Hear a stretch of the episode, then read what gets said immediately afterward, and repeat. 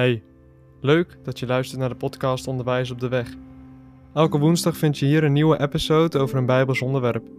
Via deze podcast wil ik samen met jou gaan zoeken naar wat God tot jou en mij wil zeggen in zijn woord. De titel Onderwijs op de Weg komt uit Psalm 25. En dat is ook de boodschap die ik wil laten doorklinken in de podcast. Daar staat: Wie is de man die de Heere vreest? Hij onderwijst hem in de weg die hij moet kiezen. Zijn ziel overnacht in het goede. Zijn nageslacht zal de aarde bezitten. Laten we zo de weg in het leven bewandelen en altijd bedenken dat we slechts reizigers zijn op deze wereld. Ik hoop en bid dat deze podcast jou tot zegen zal zijn.